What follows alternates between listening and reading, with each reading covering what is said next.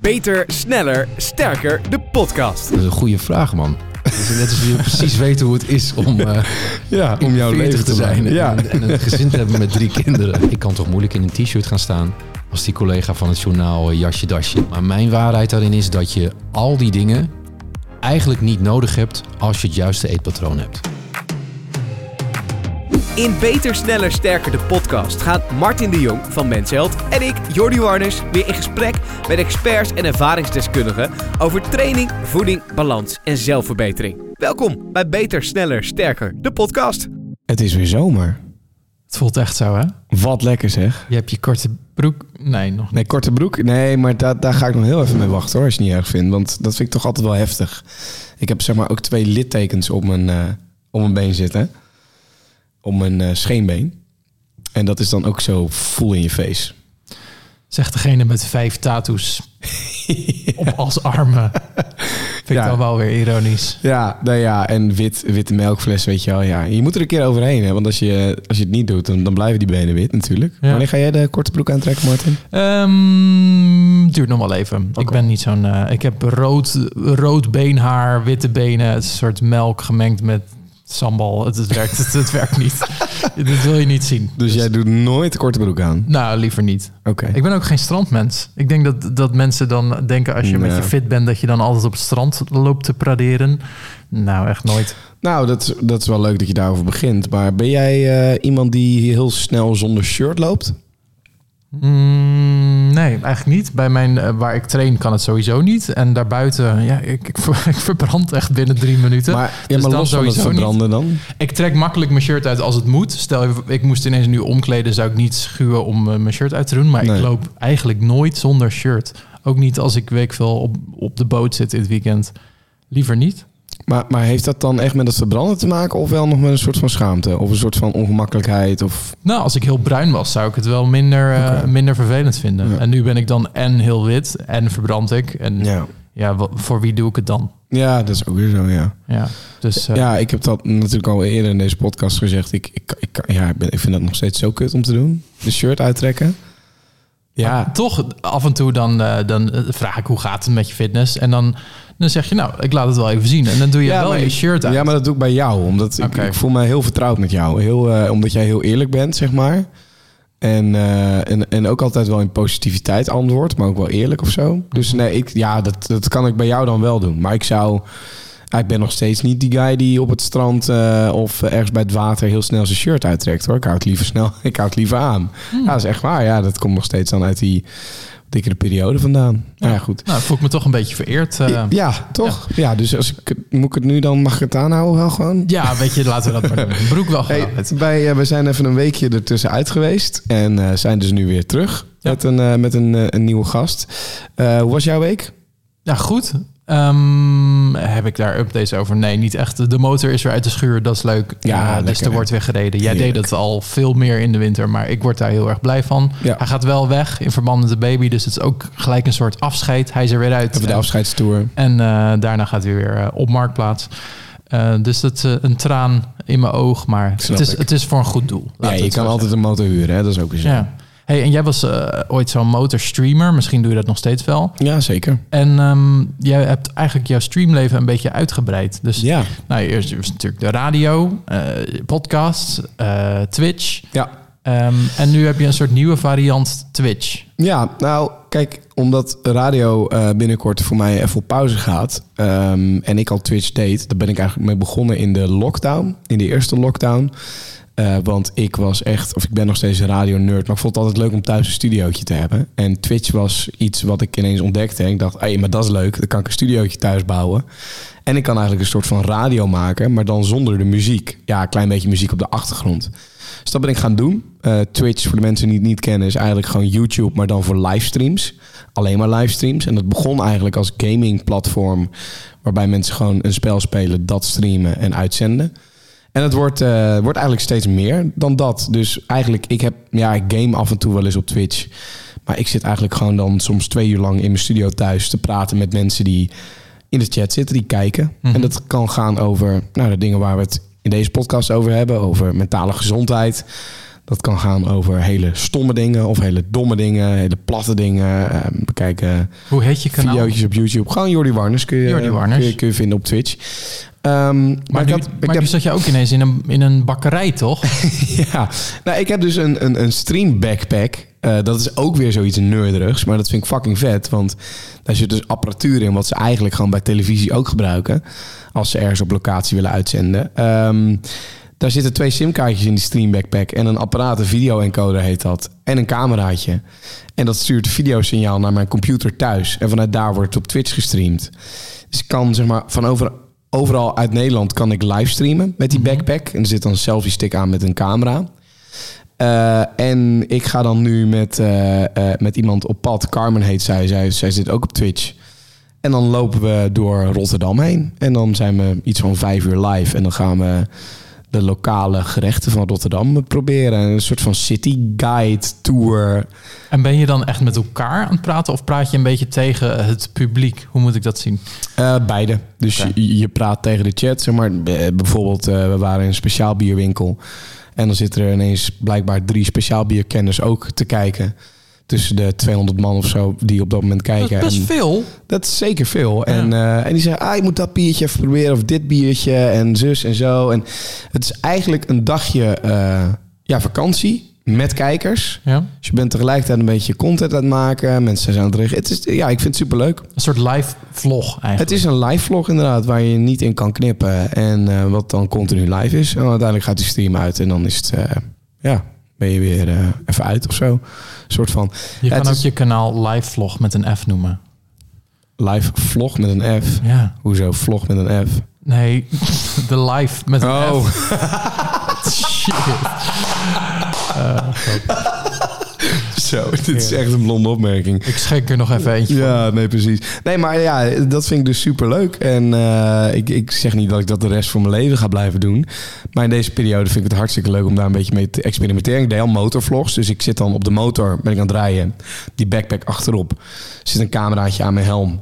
Ehm, en dan eh, wordt de chat eh, wordt voorgelezen met text-to-speech in mijn, ehm, Oké. In mijn helm. Dus zeg maar die Google Translate stem. Technische boy ben je wel, hè? Dat is echt bizar. Ja, dat is echt fucking leuk. En eh, dan zit er een microfoontje in mijn helm. Die gaat naar die camera toe. En eh, dan kunnen de mensen mij ook horen. Dus het is eigenlijk een beetje... eh, motorrijders hebben altijd een communicatiesysteempje... waarmee ze met, met elkaar praten Ja.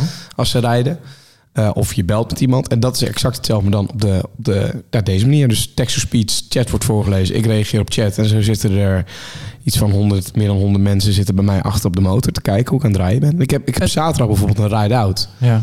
met ook iets van 20 mensen uit die community. En eh, dat ga ik dan ook livestreamen. Is fucking leuk. En ga je nog een keer naar de Fit for Free eh, om daar te vloggen? ik eh, ben ook mijn trainingen aan het livestreamen. Niet allemaal, maar de trainingen zeg maar met Bram in Haarlem. Oké. Die, Dus, dus, dus dit gebeurt gewoon al. Ja, dit gebeurt ook al. En het is Het super is een leuk. hele Want, wereld die mij volledig Nou, ontgaat eigenlijk. ja, maar het is fucking leuk. Want die motorstream, daar kijken motorrijders. Mhm. Dat ik in de sportschool sta, zit er in één keer echte, echte sportfanaat, echte trainfanaat zitten in de chat. En het leuke daaraan is ook dat ze zeggen: hey, ik train op deze en deze manier. Eh, is dit goed? Of moet ik andere dingen doen? Of ik, hey, ik loop aan tegen dit. Kan dat ook anders? En Bram, nou ja, je kent hem, we hebben het vaak genoeg weer over gehad. Die geeft daar dan weer antwoord op. En die legt het dan weer op zijn manier uit. En ja, het is echt leuk. Het is Grappig echt, eh, ja. Ik, ik ga het zeker eens een keer kijken. Jordi Ja. Warners op Twitch. Nou, ik heb er wel eens ingezeten, maar ik heb daarna nooit meer jouw kanaal eh, per se gevolgd. Maar ja, het ga het klinkt wel lekker veelzijdig. En Ja. dan eh, kan ik een beetje je moeder ook leren kennen, want ik gok dat zij naar alles kijkt. Mijn moeder heeft soms in de chat gezet. Ik, nou mam, doe maar niet. Maar ze kijkt wel af en toe, ja. Hoe heet ze? Dan kan ik haar herkennen. Nee, gaan we niet doen. We gaan niet de naam eh, van Genoeg moeder- over jouw moeder. Ja. Ehm, wij hebben zo een eh, hele leuke gast. Eh, een, een, een lange man, een bekende man, een fitte man. Eh, eh, ja, überhaupt wel veel met sport bezig. Eh, zowel in zijn privé, maar ook tijdens werk. Het gaat natuurlijk over Henry Schut. Ehm, ja, wij kennen hem eh, natuurlijk als, als NOS-presentator. maar hij is wel meer dan dat. Hij heeft een boek geschreven over fitheid. Hij heeft op onze cover gestaan. Een wedstrijd gewonnen van Maxime Hartman. En eigenlijk ben ik wel heel benieuwd. Hij is inmiddels alweer iets ouder. Hij was toen, geloof ik, 40 jaar. En dan alsnog beestachtig fit. Mhm. Dus dit is misschien ook wel een leuke uitzending voor de iets oudere luisteraar. Ik zal niet gelijk een oudere noemen, maar een iets ouder. Ehm, Hoe, hoe moeilijk is dat nou eigenlijk als je de 40 gepasseerd bent? Ja, Om en- fit te blijven. En ook vooral zo fit. Want hij is echt, het is niet een beetje een gast die ooit een keer wat blokjes heeft gehad. Nee, echt units van spieren, Mhm. aders. Echt alsof het, eh, je zou de, de, Tower Bridge, eh, Tower Bridge, de Golden Gate Bridge mee kunnen bouwen. Zo, wordt in één keer een hele andere kant op. Gaan we op. Nou ja, en eh, ik moet zeggen dat ik... nou, zenuwachtig wil ik het niet noemen. Maar tot nu toe hebben wij nog niet mensen in deze podcast gehad... die of radio maakten of tv maakten op Of allebei. Of allebei op een professioneel eh, niveau. En, en hij maakt ook radio op een professioneler niveau dan ik.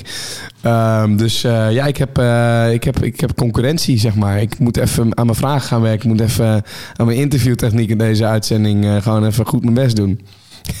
We gaan het gewoon gelijk merken. Ik zou zeggen, welkom. Ja, dankjewel. Mooie studio hoor. Ik eh, zei het net al eventjes in eh, de intro die wij al eh, hebben opgenomen.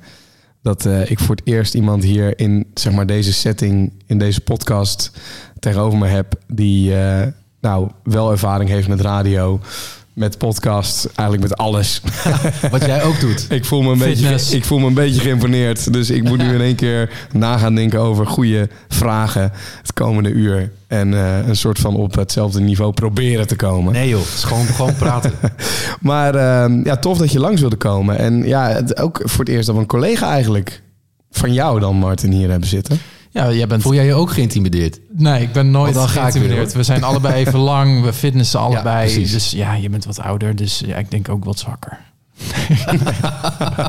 nee, we zijn, ja, jij, jij bent columnist eh, voor Men's Health, dus wat dat betreft zijn we ook eh, Ja. collega's. Ja. Eh, je hebt natuurlijk ervaring ook met Men's Health. Je hebt een coverwedstrijd gedaan met Maxime Hartman destijds. Dat was in Het is een 2017. eeuw geleden alweer man. Het voelt lang geleden, hè? Ja. Ja, want je Nou, het voelt niet lang geleden, maar als je bedenkt dat 2017 was, dan is het wel lang geleden. een andere wereld eigenlijk. Maar qua lichaam, als je dan, dat is de makkelijkste vraag, als je dan nu vergelijkt met 2017. Ja, je hebt je shirt aan, dus het is voor mij Eh, lastig ja, wil het inschatten. Maar wat, wat zie jij zelf? De luisteraars niks aan als ik me uitdoe. Ik zie zelf eh, eigenlijk wel wat ik wil zien. En dus dat betekent niet dat ik denk van eh, dit is het beste lichaam dat ik ooit in mijn leven heb gezien. Of het mooiste lichaam dat ik heb, zelf heb gehad. Maar ik heb eigenlijk precies wat ik wil. Oké. En, en Want dat van 2017, dat was niet per se wat ik wilde. Dat was een soort eh, once in a lifetime opportunity. Gewoon iets om een keer te proberen. En om heel veel van te leren. En dat is allemaal gelukt. En ehm, daarna heb ik gezocht naar wat dan de, de beste verhouding was tussen eh, de, de arbeid blijven leveren. En ehm, er echt profijt van hebben dat je je lekker voelt. In alle opzichten. Dus dat je. ehm, nou ja, ik bedoel, iedereen is wel eh, op een bepaalde manier ijdel. Dus wel dat je er nou zo uitziet dat je denkt, het kan ermee door. Mhm. Maar ook dat je je eh, je door het sporten zo lekker voelt als je precies zelf ongeveer wil. Oké, en dat is dan een mix van eh, dat je niet geforceerd aan het eten bent, niet geforceerd aan het trainen bent en hoe je er eigenlijk uitziet, dat dat ook een soort natuurlijk gevoel krijgt. Is dat, is dat hoe ik dan moet zien? Eh, ja, zoiets. Nou, dan zijn we rond. Nou, Ja, bedankt. ik vond het een eh, goed gesprek. Jordi, je vragen zijn niet Ruim helemaal... minuten. eh, Ik heb geen slechte Helaas. vraag gesteld. Jordi. nee. Die gelukt. Nee, maar eigenlijk zeg je het precies goed. En daar kan je eh, dan wel daarna nog uren over praten, godzijdank. Ja. Dus eh, je kan er nog een paar vragen over stellen. Maar ik, ik, ehm, we hadden het net even buiten de uitzending om over jouw leeftijd, 46. Mhm. Ik dacht echt, huh? is hij 46? Want jij komt mij eerder over, op, nou, misschien rond de 35 of zoiets. Ehm, is dit iets wat uit jouw genen komt, uit jouw familie, dat, Ja, dat, dat je er jonger uitziet? Ja, klopt. Of is het echt, Ja. heeft het ook met het, met het mentale en fitte? Ja, ik denk dat het ook wel te maken heeft met hoe je voor jezelf zorgt. Want ik zie wel leeftijdsgenoten die. eh, eh, ik, ik heb er altijd jong uitgezien. Toen ik 18 was, leek ik 15. En toen ik 25 was, leek ik 20. En zo is dat wel doorgegaan. Dus eh, dat heb ik wel. Maar ik zie wel ook leeftijdsgenoten die, laat ik zo zeggen, niet zo goed voor zichzelf zorgen. Ik weet niet of het met jullie is, maar toen de, voor het eerst, zeg maar, eh, in de tijd van de hives en de Facebooks en zo, dan kom je ineens al die oude mensen van vroeger weer tegen en zo van Ja. school. En toen ben ik me wel een paar keer de negatieve zin rot geschrokken. Dat ik dacht, zijn dat mijn leeftijdsgenoten? Die zien er serieus tien jaar ouder uit. En sommigen zelfs twintig. Ja, want als jij had gezegd dat jij nu eh, de leeftijd had die je had toen je op de cover stond toen, zou ik het al moeilijk... Ik vond 40 nu zou ik al zeggen, nou, hè, nee joh, je bent toch jonger? Ja. En dat was jaren geleden. Ja, dat dus is ik vind het oprecht eh, een beetje Maar dat is onwerkelijk. niet alleen door het sporten, denk ik. Misschien wel. Dan is dit een heel goed reclamepraatje voor, eh, voor gaat u allemaal fitnessen. Want dan Ja. ziet u er eh, tien jaar jonger uit. Maar dat heb ik wel altijd wel gehad. Maar ik denk wel dat als je goed voor jezelf zorgt... dat je dat automatisch ook nog weer extra bevestigt. Ja. Maar je bent wel een hele harde werker. Dus het, ik bedoel, dat, is- Ja. je, je hebt kinderen. Je hebt in principe de ingrediënten van iemand die er eigenlijk eh, moe en, en afgeleefd uit zou kunnen zien, ja. Maar zo voel ik me ook wel eens hoor. Het is helemaal geen halle- halleluja eh, leven. Want het is ook gewoon soms heel druk. Bijvoorbeeld deze week, mijn dochter is eh, ziek. Die heeft griep. Geen corona, dus maak je geen zorgen. Eh, die is zeven en dat is onze jongste van de drie. Mhm. En eh, dan heb je ineens een huishouden met drie kinderen en heel veel afspraken. En toevallig was deze week de agenda ook van mijn vriendin en mij allebei. Nou, echt zo'n legpuzzel die je net legt. Ja. Weet je wel? Dus eh, op dat tijdstip die afspraak en op dat tijdstip die afspraak. En dan ben jij op tijd thuis voor de kinderen en dan morgen jij. En toen werd het, onze dochter ziek. En dan zakt dat, valt dat in zo'n soort kaartenhuis in elkaar. En dan kan je weer helemaal opnieuw beginnen met al je afspraken en je, en je agenda invullen. En dan ben je ook wel eens gewoon back af. Ja. Alleen al van, dat, van, van die agenda eh, vullen. En, en- oh, En dan moet er nog gesport worden. ja, ik wou net zeggen, Ja. want waar valt sport dan in het verhaal? Valt het dan weg? Of blijft dat juist Nee. verplicht staan om overeind te blijven als En het persoon? blijft eigenlijk altijd overeind. En dan niet per se dat ik helemaal eh, erop gefocust ben dat als ik me had voorgenomen dat ik deze week vijf keer of zes keer train, dat dat dan per se moet blijven. Want er zijn natuurlijk momenten dat eh, andere dingen belangrijker zijn. Eh, maar nou, ik kan het concreet zeggen, het is nu woensdag. Eh, zondag werd Anne, onze dochter, ziek. Toen moest ik maandag overdag de hele dag voor haar er zijn. Toen ben ik maandag in plaats van overdag een keer s'avonds gaan trainen. Zodra mijn vriendin thuis was. En dan zijn de andere vier dan thuis. Ga ik trainen voor één keertje s'avonds. Want dat doe ik eigenlijk bijna nooit. En dinsdag zaten we echt helemaal klem. Toen heb ik met mijn eh, eigen fitnessspullen... die ik in de coronatijd had aangeschaft, thuis getraind. Dus dan draai je ook een beetje je schema om. En dan ik heb precies gezocht, wat kan ik dan nu het beste thuis? Ja. En ik kan mijn schouders het beste thuis trainen. Dus toen ben ik mijn schouders, eh, heb ik de tweede twee het trainingsdagen omgewisseld. En gisteren, nee, dat was vandaag is donderdag trouwens, hè? Het is donderdag, ja. En gisteren ehm, moest het ook allemaal anders. Toen heb ik ineens vroeger getraind dan ooit. Dus het is allemaal niet ideaal. Maar dat is een beetje hoe het leven Maar dan is, zeg dat maar. ook stiekem wel leuk, toch? Ik merk Ja. dat ik het heel leuk vind om, eh, als ik ook zo'n soort van week heb, om een beetje te puzzelen met die trainingsschema's. Omdat het, het, het zorgt ook voor dat het een beetje afwisselend is. Dat Klopt, je komt nog eens iemand anders tegen ook. Want Ja. ik zag ineens dan maandagavond iemand die ik altijd alleen maar in het weekend af en toe tegenkom. Dat je denkt, oh, ben- train jij hier ook s'avonds? En dan Ja. Zoek je even aanspraak. Want is het die tyfus druk? hè? Ja, vind ik ook. en, eh, en gisteren moest ik juist al 's ochtends. En toen kwam ik ineens een jongen tegen die ik altijd om vier uur 's middags zie trainen. Dus ik zei, ben jij ziek of zo? Nee, ja, ik moet zo werken. Ik zeg, ja, nou, ik heb ook Ja. eh, gedoe. Ja, dus het maakt het ook wel voor de afwisseling wel leuk. En je bent nu dus 46. eh, Zeg het nog maar een keer. Ja, ik zeg het nog even een keer. Maar ja, nou, een hele drukke week. Ehm, denk jij wel eens na over, nou, als ik die leeftijd heb bereikt of, of nog een aantal jaren en dan mag het van mij ook wel wat rustiger eventjes of zo. Ja, ik vind het heel mooi. Jullie kijken naar eh, deze leeftijd zoals ik er ook ooit naar keek. Ja. En nu ben ik het zelf. En nu voelt het helemaal niet zo. Dus, dus ik kijk helemaal niet van over zoveel jaar dan moet er dit aan de hand zijn. Of dan toen mijn ouders 46 waren. Toen mijn vader 46 was, toen was ik al 21. En toen dacht ik echt dat, dat 46 dus dan blijkbaar heel, heel oud was. Want iemand van 46 heeft een zoon van 21. Maar dat is sowieso, dat schuift volgens mij allemaal door. Ja. Want ik, mijn vader is nu dan 70, maar die lijkt ook 60 of 55. Weet je, het is ook maar net hoe je het. eh, Een leeftijd is eigenlijk niks. Dus het is ook niet dat ik nu denk van. Joh, eh, ik, eh, ik denk dat dat is wat je bedoelt, toch? Ik train nu vijf keer in de week en dan ga ik vanaf het moment dat ik 50 Nou, ben, ja, ik- ga ik, ik- het wat rustiger aandoen. Nou, nee, ik bedoel het ook in combinatie natuurlijk met leeftijd, maar ook met, met, met kinderen, het gezinsleven wat Ja. je natuurlijk hebt. Ik bedoel, ja, kun je zoiets altijd volhouden? Wil je zoiets altijd volhouden? Het, probeer een beetje te zoeken naar, is er een moment dat je rustiger aan wil doen of dat het allemaal niet meer zo gepuzzeld moet worden? Nou ja, deze week is wel een ultieme puzzel, omdat er gewoon heel veel andere afspraken bij komen. Want als dit altijd zo zou zijn, zou ik er knettergek van worden. Eh, maar dat sporten, dat voelt voor mij niet als een moetje wat in de agenda ingevuld moet worden. Dat is, dat is er gewoon. Ja. En dat doe ik gewoon. En waar ik het doe, doe ik het. Nou, dat, daarom is deze week zo'n mooi voorbeeld. Hè. Of nou ineens 's avonds moet, of ineens vroeger dan ik gewend ben, of dan toch maar weer een keer thuis.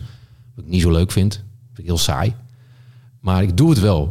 En, eh, en het sporten zelf vind ik gewoon zo leuk dat me dat helemaal geen energie kost. Sterker Nee. nog, het levert energie op. Ja. En merk je dan ook dat als je dan toch weer ergens tussendoor hebt kunnen fietsen in dat schema, dat je ook soort van daar nog weer voldoening uit haalt? Ja, tuurlijk. Zo'n Ja. extra agenda high. Ja, Ja. dat, Oh, ja maar dat is serieus. Kijk maar dat is dan dus was met die thuistraining. Want daar zag ik echt tegenop. Want dan ligt dus twee kamers verderop ligt eh, je zieke dochter. En dan voel ik me een klein beetje schuldig. Maar past het dan wel precies in op het moment dat zij even in slaap valt. Of weet je, dat soort dingen. Maar dan ga je met tegenzin beginnen aan die training. En zo na twee oefeningen dacht ik alweer van... Kijk, dit is gewoon weer bonus wat ik vandaag aan het doen ben. Ja. En, eh, en dan voelt het een soort dubbel goed. En plan je dan ook vrije tijd in? Dus zeg maar naast het sporten en naast de werkdingen ook inplannen van, nou, weet je, maandagavond gaan wij even quality time hebben. Dat is een goede vraag, man. Is net als je precies weet hoe het is om... eh, Ja, om jouw 40 leven te zijn. en, Ja. en, en een gezin te hebben met drie kinderen. Want dit was namelijk, wij zijn vorige week, vriendin en ik, nadat we echt, ook dat was weer een puzzel. Dus zij kwam uit haar werk gerend en, eh, eh, en ik stond thuis klaar met de autosleutels. Toen zijn we naar een concert geweest in Paradiso. En ehm, op de weg ernaartoe zeiden we al tegen elkaar, goh, wat leuk dat we even bijkletsen. En dan daarna zeggen we heel vaak tegen elkaar, die, die schaarse keren dat we nog uitgaan. Wat zijn we uit, hè? Oh, ja. Klinkt ook zo lekker eh als Ja. je 55 bent. Maar eh, dat is het soms wel. En dat is niet anders. Weet je, er zitten 24 uur in een dag.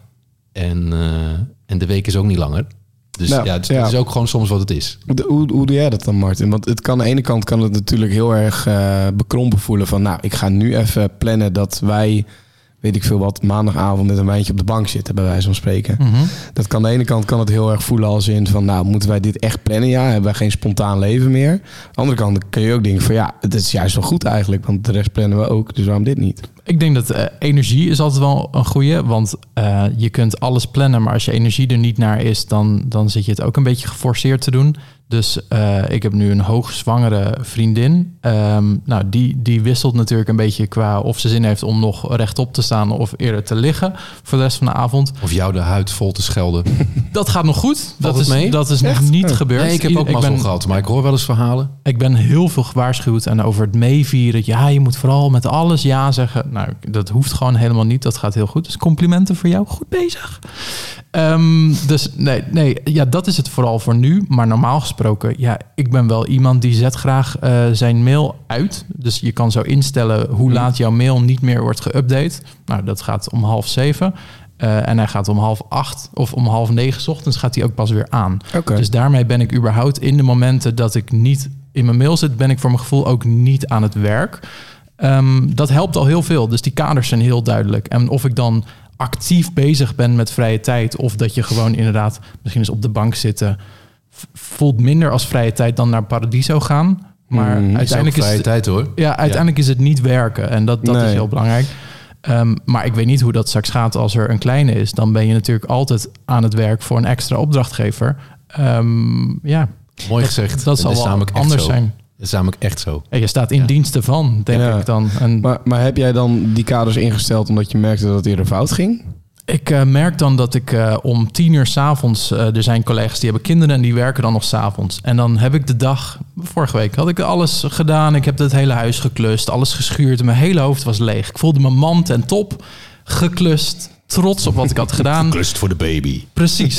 En ik ga in bed liggen en ik denk, nou, nog even op dat ding kijken. En wat ziet ik daar? Een mailtje. Toch even geopend.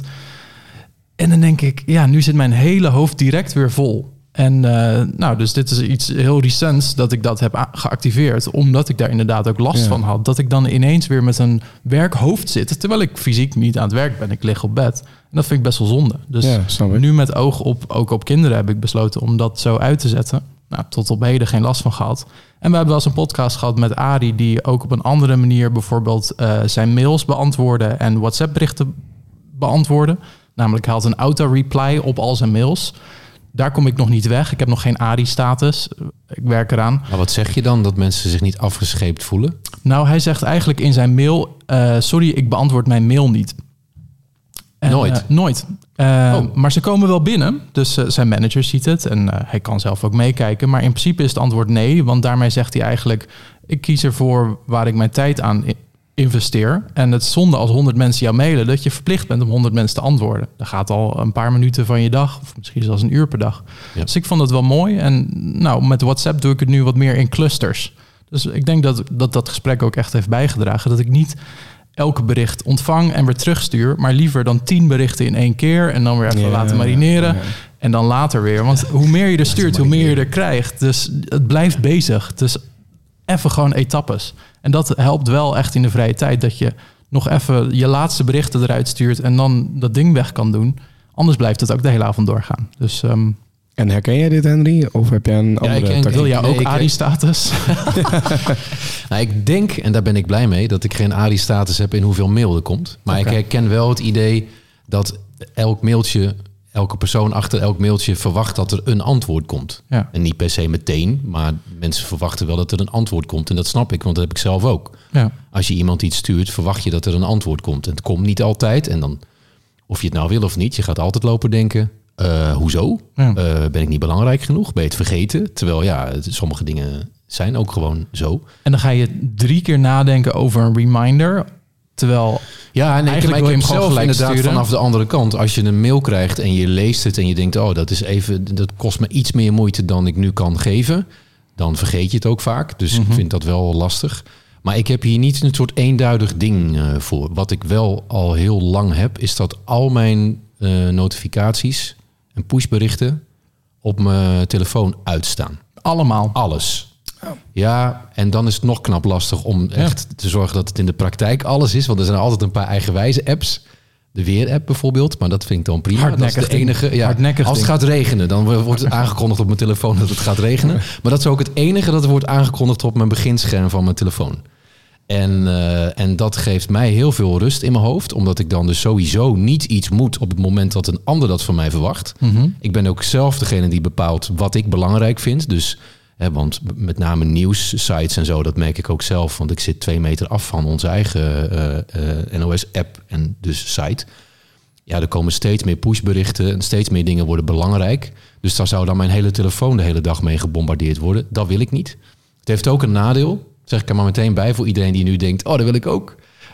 Moet het wel even goed overwegen, want doordat je het zelf bepaalt, weet je ook niet wat er, wat er gebeurt in je telefoon. En dat maakt mij op sommige dagen, denk ik dan aan het einde van de dag, net iets te nieuwsgierig. Dus dan ga ik wel de hele tijd zitten kijken ja. of er iets is. Ja. Toch even die je? Dus als je zelf iemand iets hebt het- gestuurd en je verwacht een antwoord, ja, dan komt het dus niet automatisch op je af. Dus Hmm. dan moet je wel af en toe kijken of het er is. Maar Ja. ik vind het idee dat je het zelf in de hand hebt, vind ik zo prettig. En ook, weet je, je doet, dat is misschien nog wat belangrijkste, je doet bijna alles tegenwoordig op je telefoon. Dus je- als je bijvoorbeeld een filmpje aan het kijken bent of tv aan het kijken bent eh, via je telefoon, zie ik bij andere mensen ook heel vaak komen de hele tijd daarboven in het schermpje dit bericht, dat appje, dat, dat leidt zo af. Dus wat het grootste voordeel is, ik doe dan dus één ding tegelijk op mijn telefoon. Het is niet dat er van allerlei kanten nog andere dingen bij komen. Fuck multitasken, zeg maar. Maar dan staat Ja. hij dus ook zelfs op niet storen. Of dat dan weer net Qua niet. wat? Nou, dat je op niet storen zegt dat mensen ook niet kunnen bellen. Of, Nee, mensen kunnen wel bellen hoor. Oké. Ja, dat wel. ja. Maar ja, hoeveel mensen bellen er nog? Nee, ja, steeds meer. Ik vind bellen Ja. dus heel fijn. Ja, Omdat jij bent je, wel echt een beller. Maar Ja, jij bent want- ook iemand die zit op alle mogelijke platformen ter wereld. Dus als iemand notificaties binnen moet krijgen per uur... dan zal jouw telefoon roodgloeiend En staan. die telefoon die daar ligt, is dat jouw telefoon? Ja. Nou, die ligt daarom ook op zijn kop, toch? Eh, nou, dat heeft Martin net gedaan, geloof ik. Oh. Nou, maar ik heb ook een Apple Watch. Die staat nu, die is leeg. Ja, ja, ja. Dus daar krijg ik Ook dan de op. Snapchat, Instagram en WhatsApp heb je nu in de laatste zes minuten. Ja, nou ja, en, en ik heb dus een Apple Watch. Dus eh, ik. Nou, aan de ene kant draagt dat eraan bij, zeg maar, dat ik de melding op mijn Apple Watch krijg, daardoor mijn telefoon niet pak. En dan ook denk van, oh, dat was dat. Nou, prima. En weer door. Oké, het is wel inderdaad op dat moment even een kleine afleiding, omdat je kijkt en weer weg, zeg maar. En nou, bij heel veel mensen voelt het ook nog een soort van aan van, oh, moet je, heb je haast of moet je weg of vind je het niet interessant? Want het Ja. lijkt dus alsof je naar de tijd kijkt. Nou, in dat vind ik dus ook fijn. Je hebt altijd de aandacht voor de mensen om je heen. Tenzij je Ja. Het niet zo interessant vindt. Maar Nee. in principe heb je dat. Want je, ik word nooit afgeleid door iets op mijn telefoon. Behalve inderdaad een belletje. Ja. Maar goed. Maar het is wel zo dat ik met mijn meldingen dus niet zo heel veel doe. Ik, ik zou het in principe ook uit kunnen zetten, maar ik ben toch net weer te nieuwsgierig dat er een keer iets tussen zit waar ik een soort van happiness trigger van krijg. Eh, laat het een opdracht zijn of een, of een, weet je wel, zoiets. Want mijn WhatsApp, ja, je kan het openen, maar je ziet dus eh 200 of misschien wel 30, zeg maar, onbeantwoorde dingen of ongelezen berichten ook. Hm. En eh, met mail, ik ja, werk bij de radio, dus ik krijg heel veel mails met nieuwe muziek. Kan ik niks mee in mijn show? Doe ik niks mee in mijn show? Dus antwoord ik ook niet op. Doe ik ook niks mee. Maar ben jij niet, want ja, volgens mij was het afgelopen jaar was ineens dopamine detox was een ding. Waarbij Ja. mensen eigenlijk de, tot de conclusie kwamen dat ze eigenlijk verslaafd waren aan alle, alle prikkels van hun telefoon. En als je dat dan even niet deed, dan ging je hersenen werden ontspannen, relaxed. En Ja. Ben jij niet een beetje dopamine addicted, zeg maar? Vind jij het niet lekker, al die notificaties? Eh, ja. En, dat, en soms denk ik ook, ja, ik ben wel inderdaad van verslaafd aan mijn telefoon. Lekker. Ja. soort van, een soort van hoor. Ik, ik, althans, ik voel niet de, de behoefte nog om er van af te kicken of zo. Maar als jullie in de sportschool staan, waar is jullie telefoon dan? Ah, ja, die is bij me, want er zit mijn schema in. Oké, maar dat, vul mijn schema erop dat is dus fijn, maar dat is ook een probleem. Ja, want dan merk je pas hoe verslaafd je bent Ja. aan dat ding. En misschien los van verslaving, hoeveel gewoonte erin slijt. Want het, zit dus, het is gewoon mijn notitieboekje van de telefoon. Hè? Dus gewoon het standaard eh, dingen op het eerste scherm. Ik zit al voor te doen met mijn duim. En eh, zonder dat je het zelf doorhebt, klik je toch ook heel vaak nog even één of twee andere apps aan tussendoor.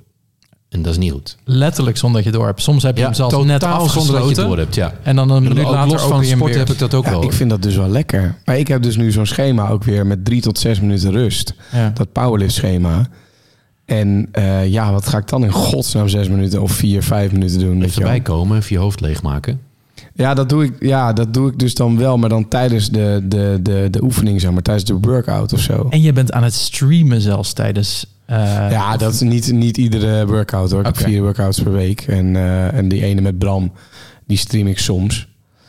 Eh, dat is omdat ik dat leuk vind om te doen. En ook omdat mensen er gewoon daadwerkelijk wat aan hebben. Ehm, maar ik, ik eh, sport niet met oortjes in of een koptelefoon op. Oké. Dat vind ik dus te veel. Dat vind ik too much. Ik wil dus wel zonder iets op mijn oren in die sportschool staan. Oké. Ja, want ik, nu klink ik als een soort beschuldiging van... oh, jij doet dat, maar ik, bedoel, Nou, ik zit gewoon het te doen. net zo. Ik zit gewoon Ja. te duolingo, eh, zit Ja. ik zo een beetje dingen Ja. te doen... en dan zit ik weer te whatsappen. Ik, ik- ja, ik voel me nooit schuldig, want ik... Net als jou heb ik dan zo'n eh, zo'n zo'n bankdrukschema. Ja, heb ik gewoon drie minuten rust.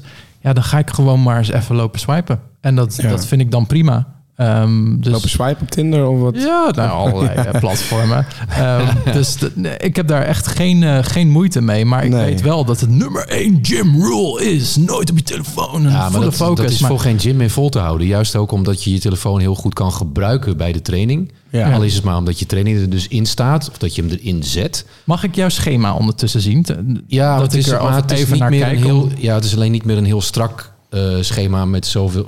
Wat ik had was ehm, eh, in die, zeg maar, die mensheld eh, cover toestand periode... was het van een personal trainer. Mhm. En dan was het nou echt maandenlang min of meer hetzelfde schema. En hij slijpte dat dan bij. Ja. En qua dus- voeding dus, was hij het lette ook... op eh, de vooruitgang. En dan eh, werd een, een oefening iets veranderd. Of als ik de max had bereikt ehm, eh, binnen die oefening... dan werd het een net iets andere oefening. Of dan, weet je, dan moest er extra gewicht ergens op. Dat soort dingen. En de, de laatste jaren doe ik het weer zelf. En dan, ja, het is een beetje... Je hebt er eigenlijk niet zoveel aan om te kijken.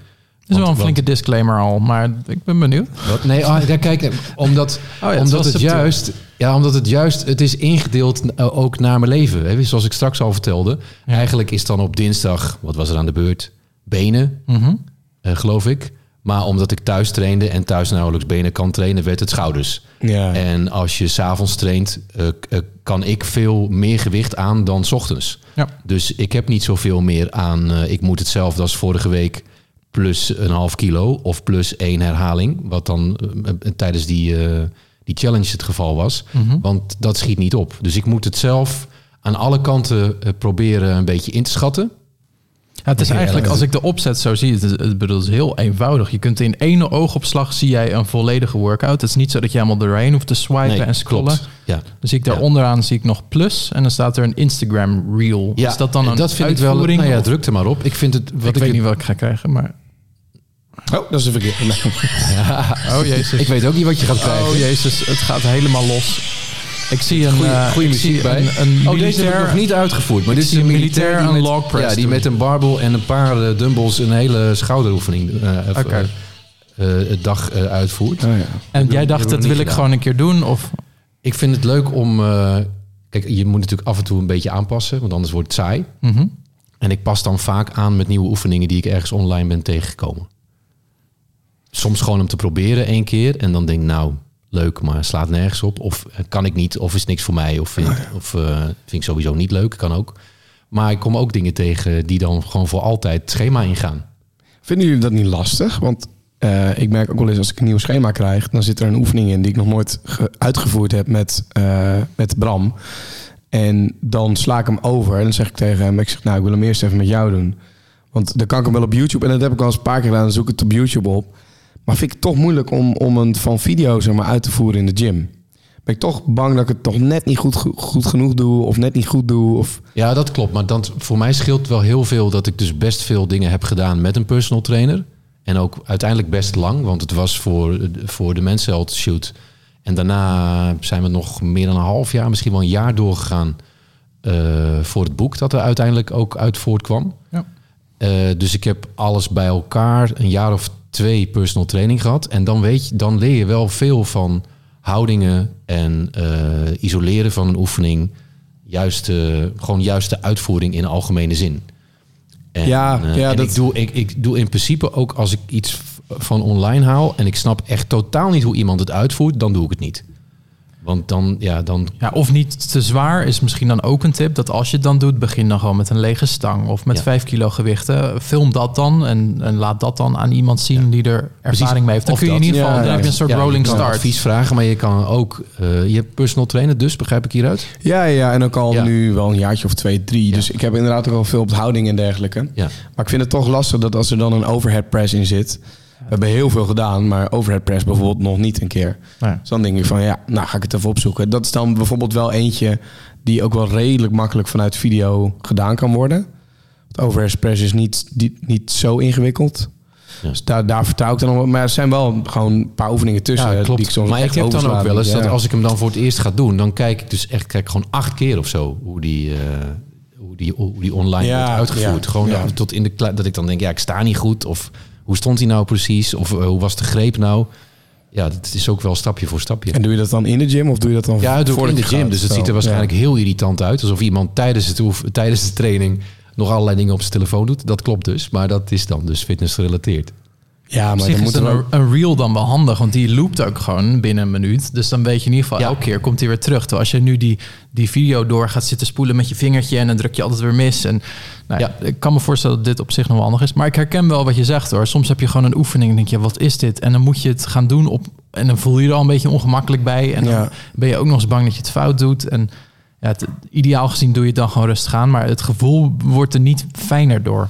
En ehm, Maar je moet ook een beetje durven, toch? Om vooruit te komen. Jawel, nee, Ja. zeker wel. Maar ja, ik, ja ik, in mijn hoofd wil ik het gewoon goed doen of niet. Dat is meer, meer mijn ding, denk ik, of zo. Geen idee. Ja. Ehm, jij bent omgeven door sport. Ja. Jouw werk is gewoon letterlijk sport. Ja. Eh, hoe kan dat? Hoe, hoe, hoe kan het dat, dat zeg maar, jij nu in een leven zit waarbij alles om sport draait? Komt dat uit je jeugd vandaan of ouders? Ja, grotendeels wel. Want het werk dat ik doe had ik nooit gedaan als vroeger niet altijd de tv en altijd de radio op sport had gestaan. Wanneer het kon, want het stond ook vaak op eh, muziekstations en zo. Dus ik had ook eh, een muziekprogramma kunnen doen nu, maar het is sport geworden. Eh, ja, dat is mijn werk. En ja, bij Studio Sport gaat het over sport. Dus dan is, is het al vaak natuurlijk zo dat je dan vijf dagen per week over sport gaat. En ik vind het ook heel leuk om te doen zelf. Dus dan, ja, dan is het leven veel sport. En eh, voel je daardoor ook een soort van druk om dan nu zelf ook sportief te zijn, fit te zijn? Oh nee, helemaal niet. Nee, kijk maar naar mijn collega's. Nee, ja, nee, dat is nee, waar. nee, nee, dat is een grapje, grapje.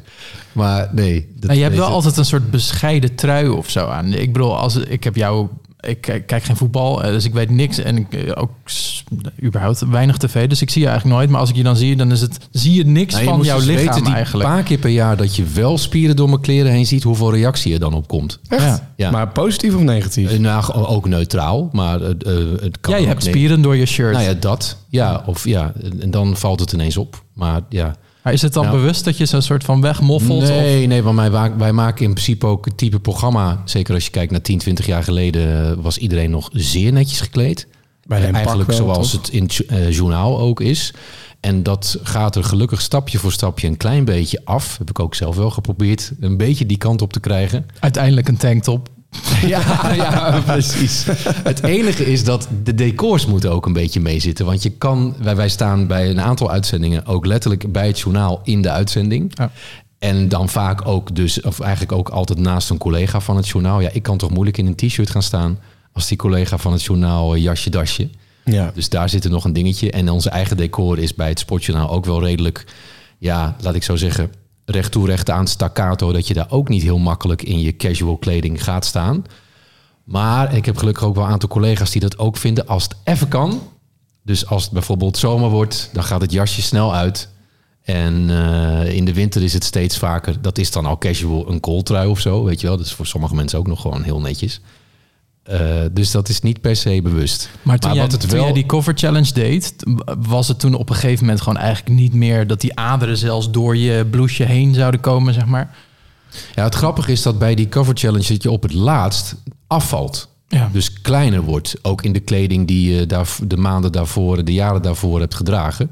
Dus er waren ook collega's die niet wisten waar ik mee bezig was. Die op een gegeven moment vroegen of ik ziek was. Want mijn hoofd werd smaller en de rest zagen ze niet.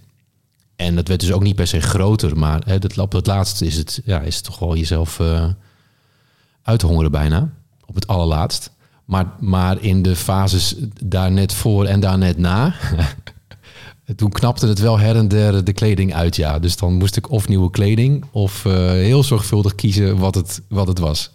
Wist jij dat jij voor de Men's Health eh, redactie bijna unaniem wordt gezien als het, het hoogst haalbare qua lichaam?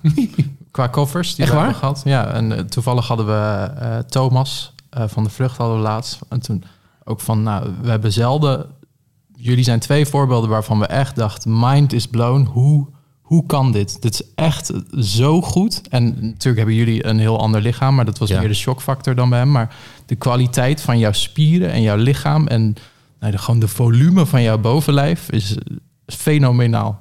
Het Eh, grappige is dat je het zelf totaal anders ziet. Maar dat is dat zelfbeeld van iedereen, Ja. blijkbaar. Nou, we hebben toen Want- een, een challenge gedaan, eh droog trainen, samen met mijn collega Bart. En toen ehm, hebben wij eh, beide een cover gekozen van, nou, als we dat toch eens konden bereiken. Ehm, en toen uiteindelijk is jouw cover voor Bart het, wat hij moest overtreffen gekozen door onze coach. En wij zeiden van, nou, dat kan helemaal niet. Dat lichaam van Handy is onwerkelijk. Het is hem wel gelukt. Sorry. Maar Zo dat, onwerkelijk was het niet. Nee, het was, Nou, het vind ik wel heel goed te doen. Maar het, nee, het was echt... eh, nog steeds sta je gewoon als ja, een van die guys van... Wauw, we begrijpen dat nog steeds niet helemaal. Ja. Op je veertigste toen. Ja, precies. 41, 40ste, 41. Ja, de- ik wist het een klein beetje omdat jullie vaste fotograaf zoiets zei toen die shoot bezig was. Die Ja. zei iets van, eh, eh, ik heb het eigenlijk nog nooit zo droog gezien. En toen deed hij het al echt al jaren. Ja, ja, ja, ja. Stef. En eh, Stef, ja. ja. Stef, super vent trouwens. Heel aardig en een fantastisch fotograaf. Maar, en het rare was, hij zei dat toen. En, ehm, en ik heb die foto's natuurlijk ook gezien en nog wel een paar keer vaker gezien. Ja, ik, ik vind het zelf niet. Maar dat is meer omdat ik vond dat laatste stukje zelf echt creepy eh, op het enge af. Hoe het eruit zag. Zeker ook hoe het er thuis uitzag. Want weet je, op die foto is het dan nog... eh, ik ben het echt, hè, voor de duidelijkheid. Want die vraag krijg je ook vrij regelmatig van... is dat dan Photoshop of eh, Doen we niet. wordt daar iets aan gedaan? Nee, doen jullie sowieso niet. Maar dat kan je honderd keer zeggen.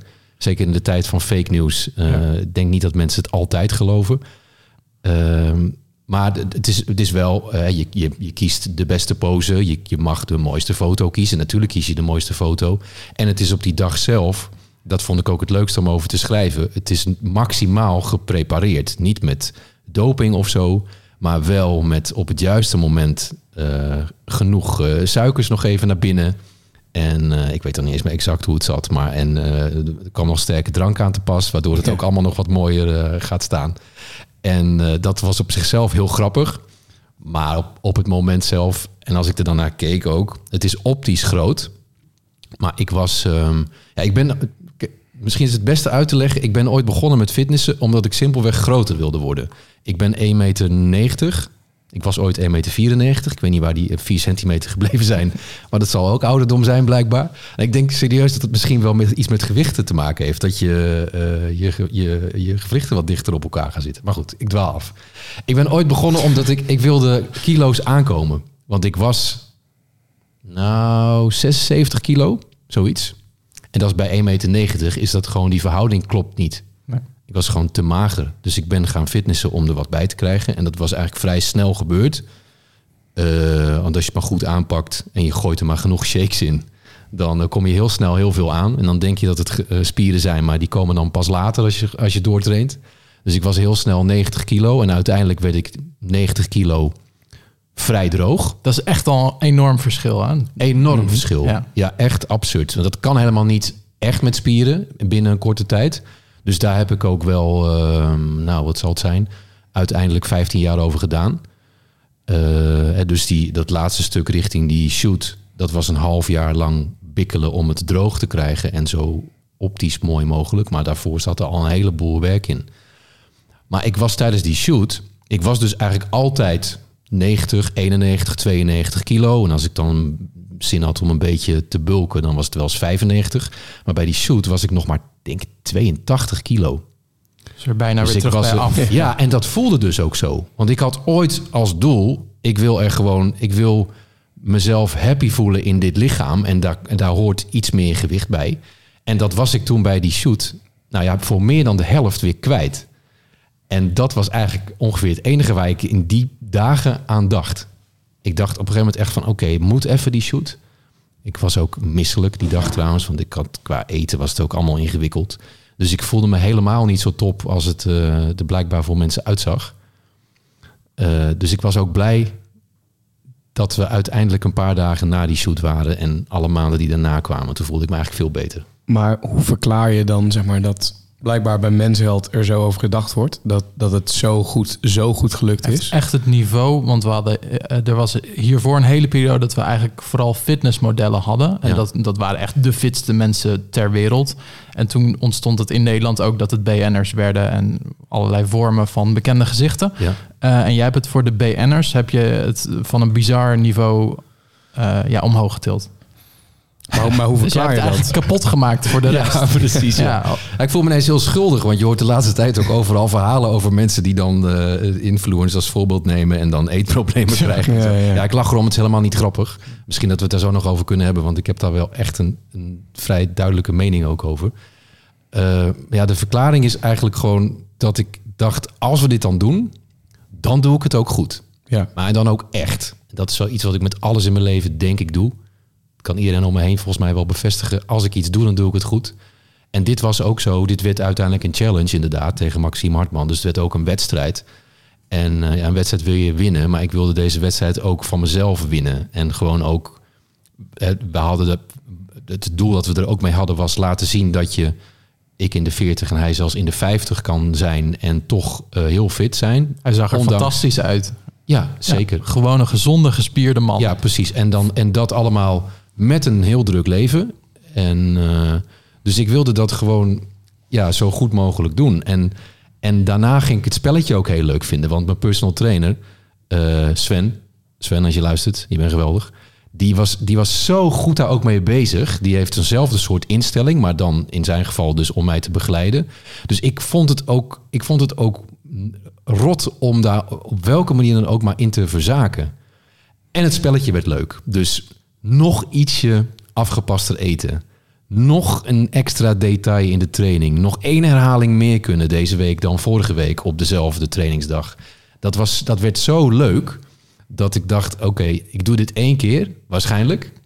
Dan ga ik ook gewoon echt alles, alles, alles eruit halen. En dan, dan wordt je lichaam, dat zei Sven heel mooi, dan wordt je lichaam eigenlijk een soort beeldhouwwerk waaraan je aan het eh, schaven bent Ja. en aan het boetseren of hoe je het wil noemen.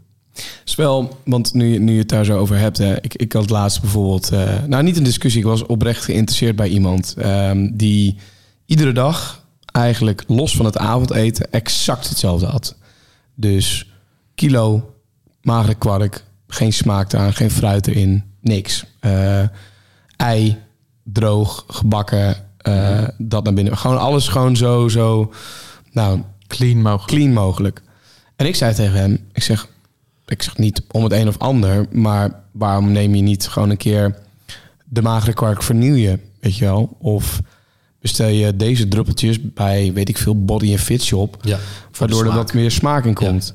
Want ik ben van mening, maar dan praat ik dus nu voor mezelf, als ik dingen, want dat heb ik toen ook met die droogtrain eh ding eh, shoot gedaan, is dat als ik het toch op die manier net even wat lekkerder maak, of er wel even wat zout bij doe, dan hou ik het langer vol. Dan ging je zeg maar niet met natte ogen naar bed en. Nee, en, en eh, hij eh, noemde dat dus functioneel eten. Nou, van die term ga ik, krijg ik overal jeuk. Ja, maar dan moet je het dus ook juist niet doen. Dat Nou ja, of, heel erg per ja, persoon. En, en daarom begin ik erover. Of eh, dat werkt dus juist voor mensen heel goed om het zo clean mogelijk te maken en zichzelf daarin iedere dag weer uit te dagen of zo. Of dat lekker te vinden. Ik weet niet hoe jij dat daar kijkt, Martin. Het is zoveel makkelijker voor jezelf als je niet hoeft na te denken over de formule van je eten. En Ja, ik dat denk, klopt ook. Als je de formule hebt gevonden, en wellicht heeft hij hem gevonden of hij is bezig om te onderzoeken, dan als je hem hebt, hou hem dan even vast. En dan zie je dat je in een korte periode van hem heel streng vasthouden meer gaat bereiken dan jaren hem een beetje vasthouden. En dan heb je een soort kleine voorsprong en dan kun je het daarna weer loslaten. Zo zie ik het. Maar dan weet je in ieder geval wat je formule is om dit voor de rest van je leven te doen, zou ik zeer afraden.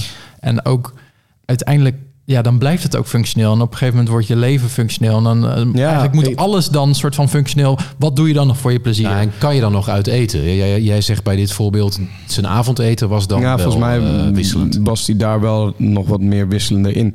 Ja, ik, ik het vind is niet dan... fout of zo. Nee, nee, het is ook niet fout. Maar de verhouding met, met eten wordt daardoor in mijn ogen, zeg maar, gaat scheef lopen. Want Je dan wordt het relatie met eten. relatie, Ja. ja. Bedoel ik, een Ja. relatie met eten.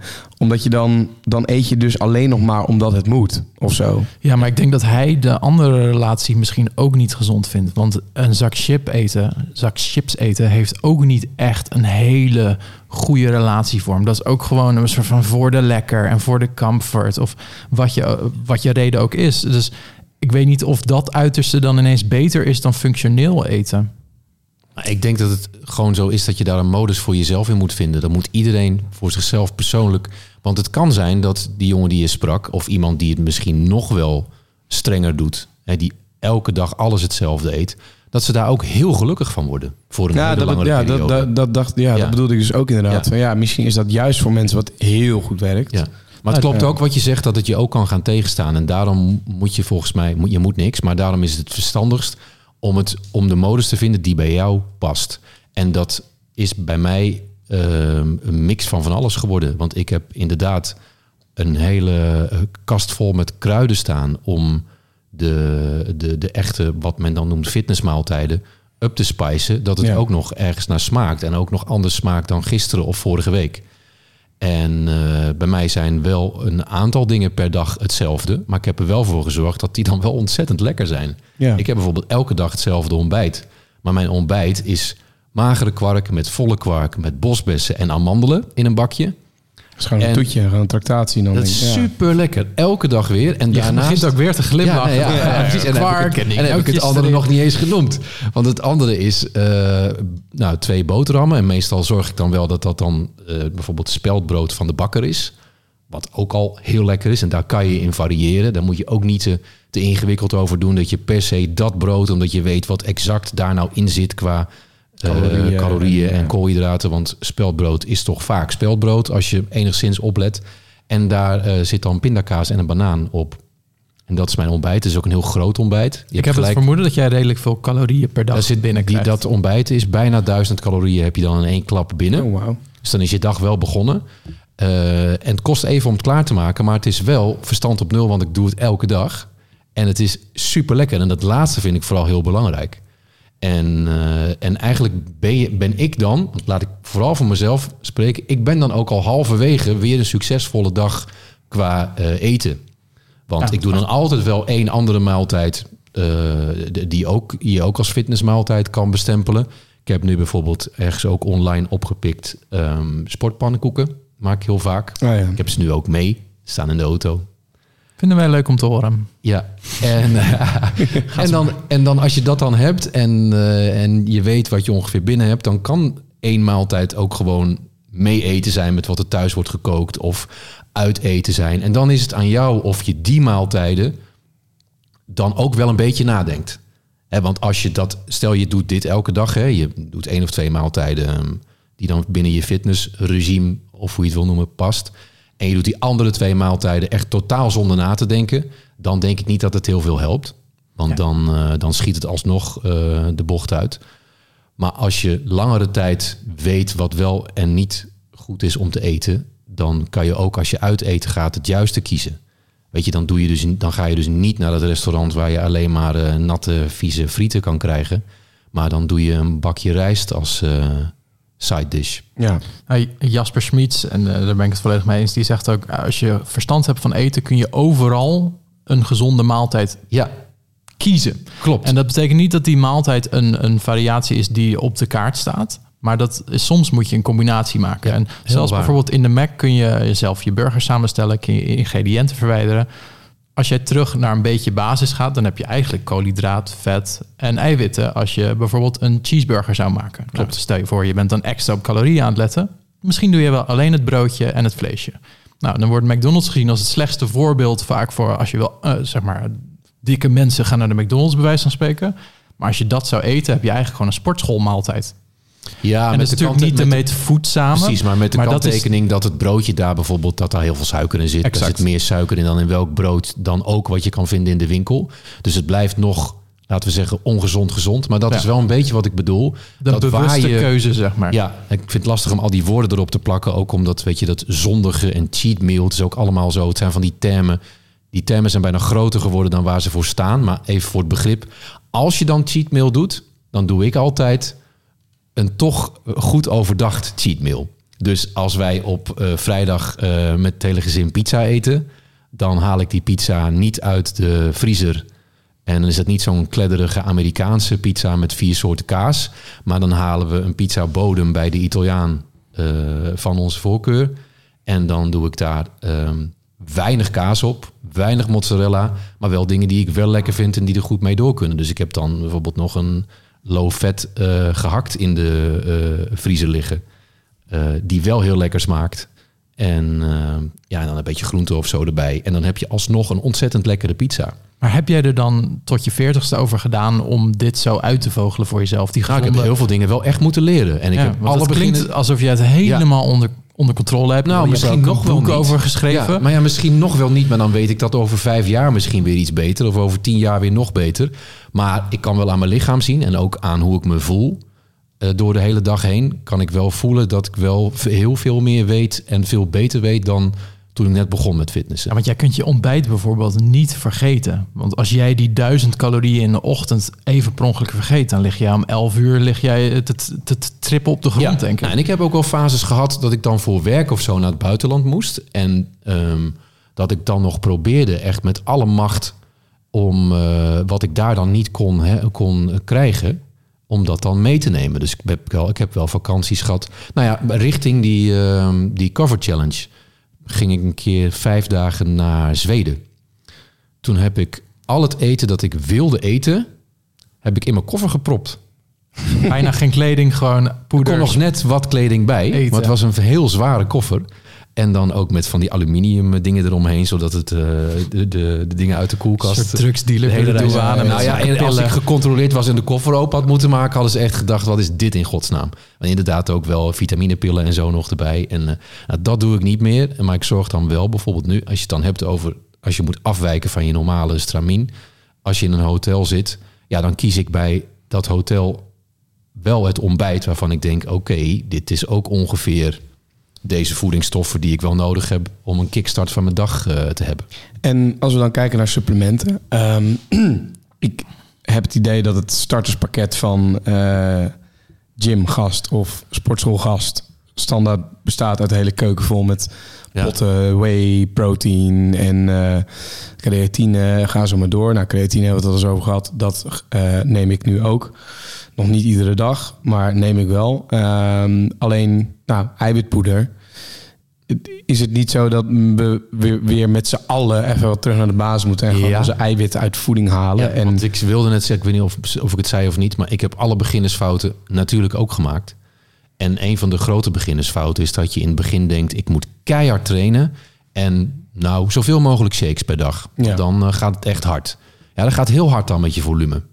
Maar wel alleen met je volume, niet per se met... eh, De stoelgang. dus ook niet. En met de spiermassa en een strakke buik krijg je er ook bepaald niet van. Ja, ik vind het wel lastig om dan nu soort de, de wijsgeer te gaan uithangen die alles weet. Maar mijn waarheid daarin is dat je al die dingen eigenlijk niet nodig hebt als je het juiste eetpatroon hebt. nee. Nou ja, en, En, en, en, dat, en- ja. Maar er zitten wel heel veel maren aan of komma's. Want ik heb wel eiwitpoeder in huis. En ik heb wel eh poedermaaltijden in huis. En ook wel eh weight gainer maaltijden in huis. Maar dat is op de dagen dat ik er even niet aan toe kom... om vier, vijf goede, gezonde maaltijden eh, eh, afgepast eh, klaar te maken. Of als ik bijvoorbeeld op, voor mijn werk op locatie ben... en ik heb een hele lange, drukke dag... dan heb ik voor de simpelheid om toch het juiste binnen te krijgen die dag... een, ehm, een drinkmaaltijd bij me. Die is 500 calorieën afgepast. Hè? Dus een beetje de juiste verhoudingen koolhydraten, eiwitten, vetten. En vaak voor de zekerheid liggen er ook nog eiwitpoeders en zo dan in de koffer en, en, en repen en dat soort dingen. Maar dat is wel ter aanvulling. Ja. Het is niet mijn basis. Het is in het begin mijn basis geweest. En op een gegeven moment kom je erachter, slaat nergens op. Ik dacht in het begin echt, hoe meer eiwitten, hoe beter. Is gewoon niet zo. Elke, elk, elke, ja, jullie weten dat waarschijnlijk al, maar elk, weet je, elk, elk, elk lichaam is tot een, heeft tot een bepaald aantal eiwitten nodig. Als je eronder gaat zitten, breken je eiwitten af. Als je erboven gaat zitten, is het gewoon zonde. En dus ook zonde van je geld. Dus ik kwam er op een gegeven moment achter. Ik was maar kip aan het vreten en gehakt. En dan ook nog twee eiwitshakes per dag. Nou, die twee eiwitshakes per dag ik net zo goed in de prullenbak flikkeren. En dat Nou, was beter ja. dan ook. Was, was beter voor mijn lijf. Ik merkte ook dat zeg maar, met zo'n livestream bij, bij, bij Bram... dat er een paar mensen ook in de chat zaten... die ook helemaal begonnen over de berekeningen van... hoeveel milligram eiwitten heb je nodig per lichaamsgewicht en Ja. dergelijke, et cetera, et cetera. En dan kloppen al die berekeningen wel. Maar ik weet ook nog, Martin, dat jij ooit zei van... ja, dat klopt allemaal wel. Maar als jij inderdaad gewoon eh, een goed voedingsschema hebt... en je eet gewoon iedere dag genoeg groente, eh, genoeg eh, kip... of gewoon de dingen waar eiwitten heel veel in zitten...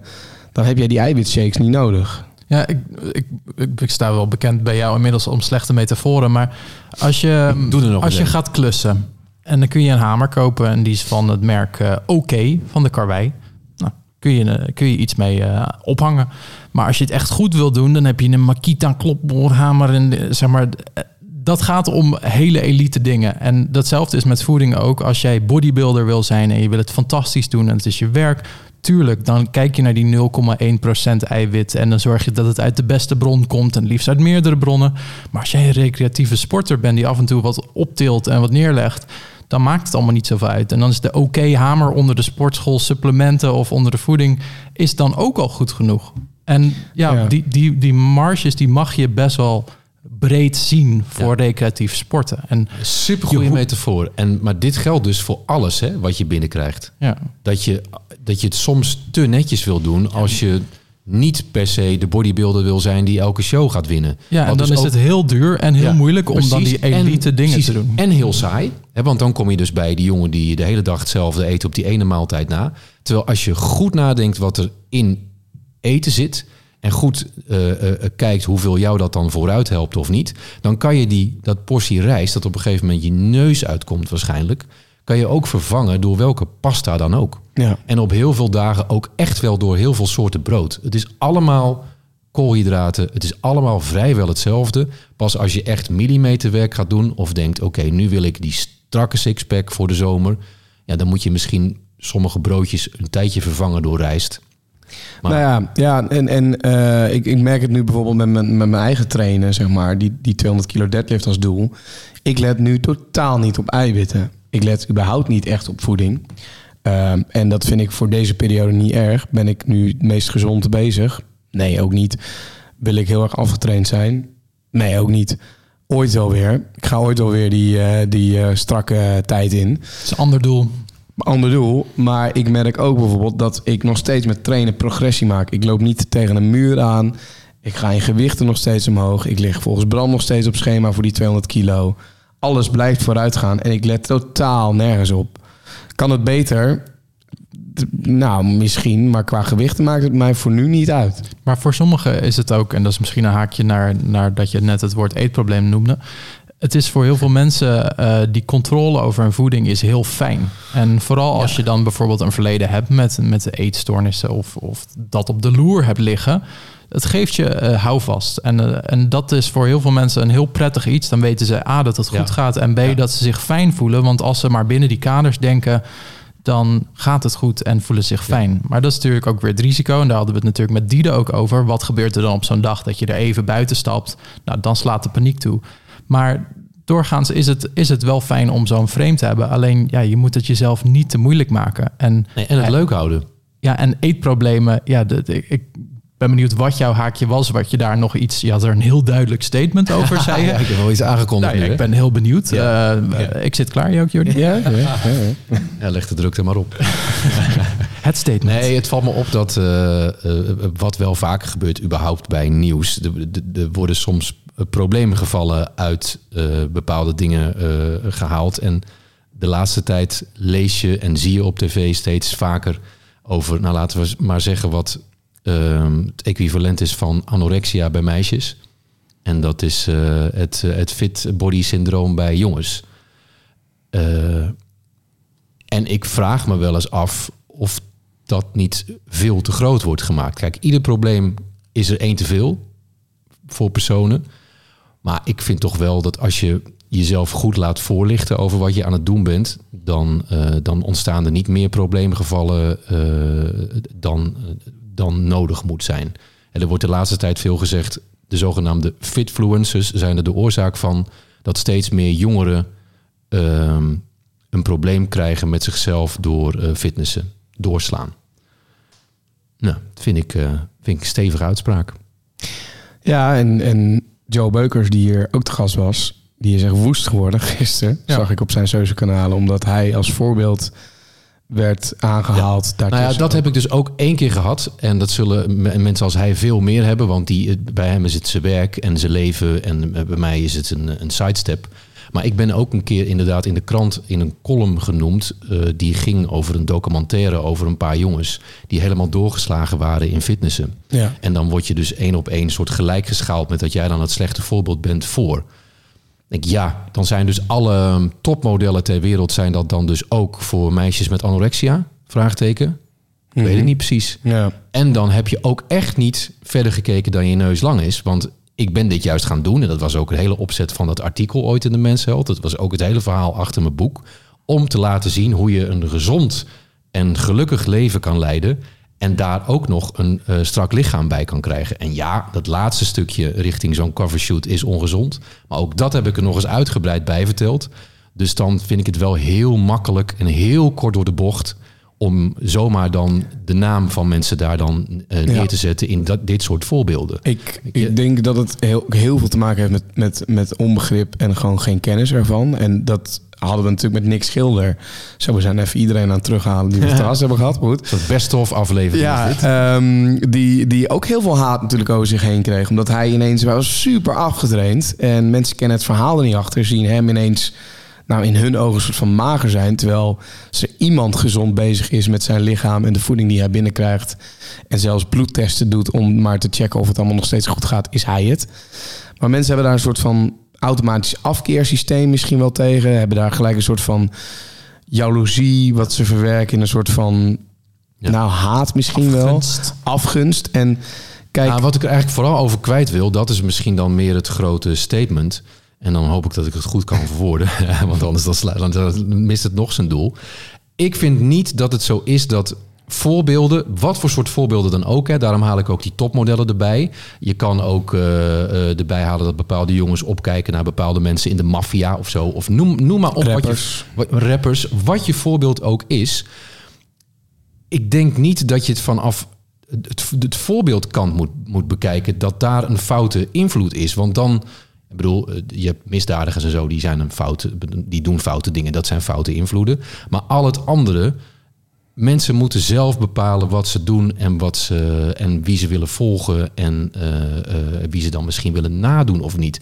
Als je iedereen die je tot een fout voorbeeld zou kunnen betitelen, zelfs dus in dit geval, in deze branche, terwijl we juist gezondheid uitstralen, dingen vertellen over hoe je juist een gezond leven. Stel je voor dat wij er allemaal dan mee zouden stoppen. Dan, dan kan je overal mee ophouden. Ja. Dan kan Joël Beukers dus eh, zijn hele toko opdoeken... omdat mensen hem een fout voorbeeld noemen. Of Arie Boomsma, die naast mij in die column werd genoemd... mag dan ineens zijn werk niet meer uitvoeren... omdat hij een verkeerd voorbeeld is. Dat slaat toch nergens op? Bekijk het vanaf de andere kant. Help die probleemgevallen. Leg ze uit wat ze verkeerd doen. En je bent er. Ja. Ja, en ik en, en, en dat, maar het is misschien een andere discussie. Want ik heb ooit Jiggy J dat in een podcast heel eh, eh, erg uit horen leggen. Ehm, voorbeeldfunctie vind ik ook een moeilijke namelijk. Ja. Want ik vind dat rappers dus geen voorbeeldfunctie hebben. Eigenlijk. Ehm, want ja, dus- ik probeer even te denken waar ik naartoe ga hoor. Want ehm, er wordt heel vaak gezegd van bepaalde rappers... ja, je hebt een voorbeeldfunctie, dus doe even normaal. Ja, daar ben ik het dus gewoon niet altijd mee eens. Want hoezo heeft een rapper een voorbeeldfunctie? Omdat hij artiest is, omdat hij bekend is?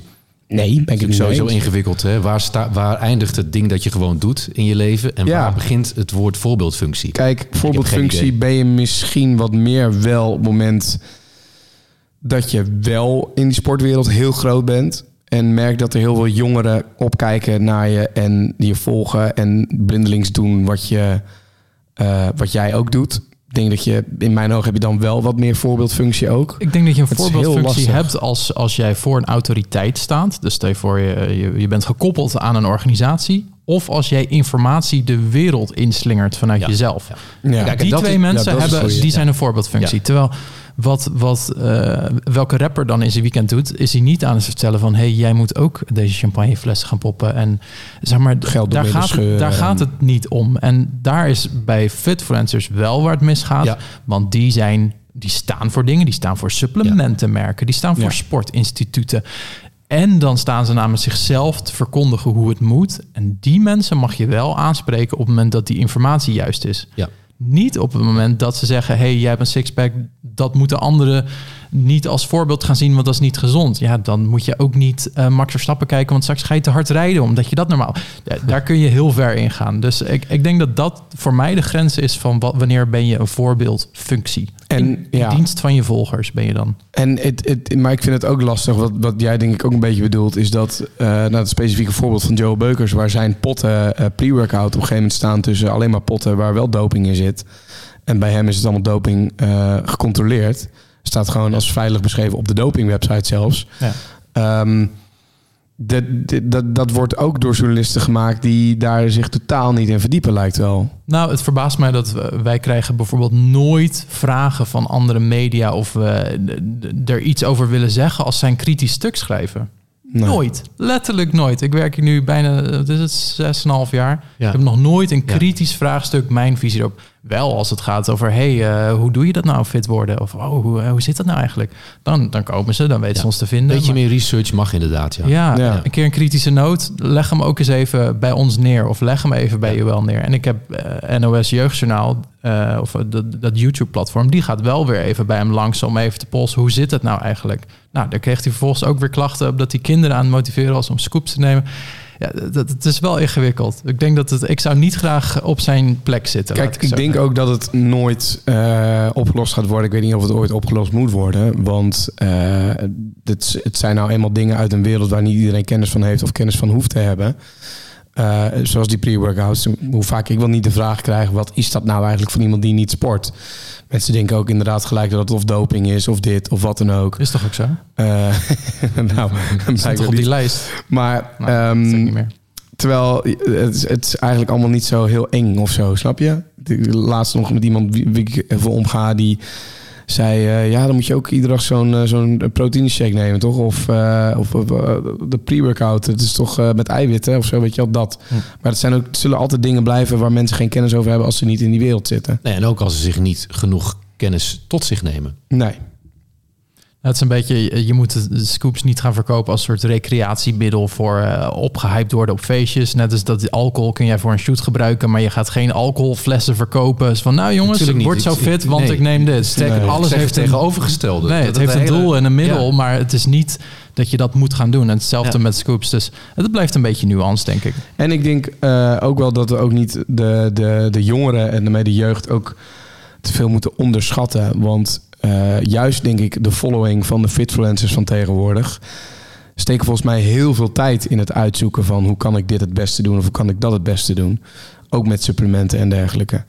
Dus ik denk dat we daar ook iets meer vertrouwen in mogen hebben. Het is ook gewoon veel meer omvattend welke mensen invloed kunnen hebben op die, die paar procent van die jongeren of iets oudere jongeren die in zoiets als dit ontsporen. Ik las ook ergens dat steeds meer jongeren tussen de 12 en de 18 naar de sportschool gaan. Nou, ik vind daar al een taak liggen, ook voor de ouders, om maar wat te noemen. Ja, Eh, want eh, jongens die nog niet zijn uitgegroeid, moeten echt heel erg oppassen met fitnessen. Ik zou zeggen, wacht nog even. ja. En daar zijn ook ouders voor. Ja, en daar kan Joël Beukers of wie dan ook niets aan doen. Nee. Als zo'n jongen van 13 of 14 of 15 hem volgt en denkt dat hij binnen een jaar of twee jaar er ook zo uitziet. Want zijn lichaam is er nog niet eens aan toe. Dus dat Nee. kan niet. Maar moet de, de, de sportschool dat wel doen? Moeten zij er Nou, ook daar. bewust zijn van... hey, Nou, dit is een lid tot 18 jaar, die mag eh, maar één... die heeft een abonnement die maximaal twee keer per week is bijvoorbeeld. Zou dat dan niet Ja, het is wel lastig omdat je in de sportschool ook gewoon alleen cardio zou kunnen doen. Ja. Hè, dus de sportschool zelf, ja, misschien dat sommige. Ik vind wel dat daar ook wel een taak ligt, misschien voor de mensen die dan echt letterlijk in de gym werken. Dat die bij bepaalde mensen van bepaalde leeftijden, nou ook eens wat meer helpen. Want je ziet ook jongens, kinderen echt soms nog dingen doen dat je denkt, je staat nu je rug echt kapot te maken, terwijl jij denkt dat je een triceps oefening aan het doen bent. En eh ken je die, die rope oefening? Ja. Hè? Gewoon heel simpel de rope naar beneden halen. Nou, je moet eens kijken hoeveel er staan eh, met kromme rug. En omdat ze veel te hoog gewicht, aanvangsgewicht nemen... omdat ze net hebben gezien bij iemand anders dat dat ding op 50 kilo stond. Ja. Nou ja, enzovoort, enzovoort. Daar zit wel een hoop... Als iedereen een beetje doet waar die eigenlijk voor is... dus de ouders en de mensen in de sportschool... en wel ook, bedoel die fitfluencers... sommigen gaan echt niet helemaal vrij uit, zal ik maar zeggen, in, in de informatie die ze, die ze verstrekken. Want er zijn er, en je kan ze allemaal bedenken als je dingen volgt, die het hele jaar door foto's posten van zichzelf in topconditie. Nou, dat bestaat niet, tenzij het 24 uur per dag je leven is. Maar dat geldt zelfs voor de fitfluencers zelf volgens mij niet. Dus die pakken echt wel eens een fotootje van vorig jaar, of van vorige maand, of van drie maanden geleden.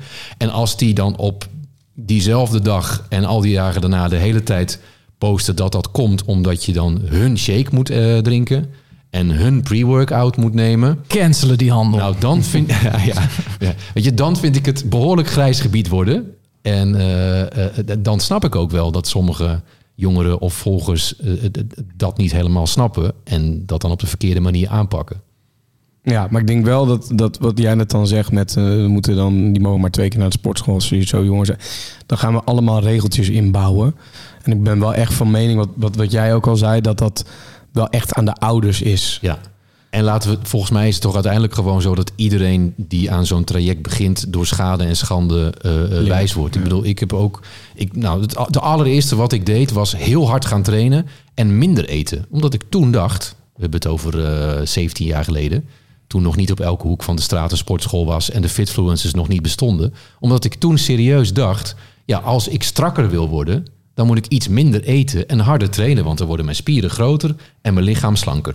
Klinkt op zichzelf best wel eh, plausibel, toch? Ja, toen Ja. nog. Ja.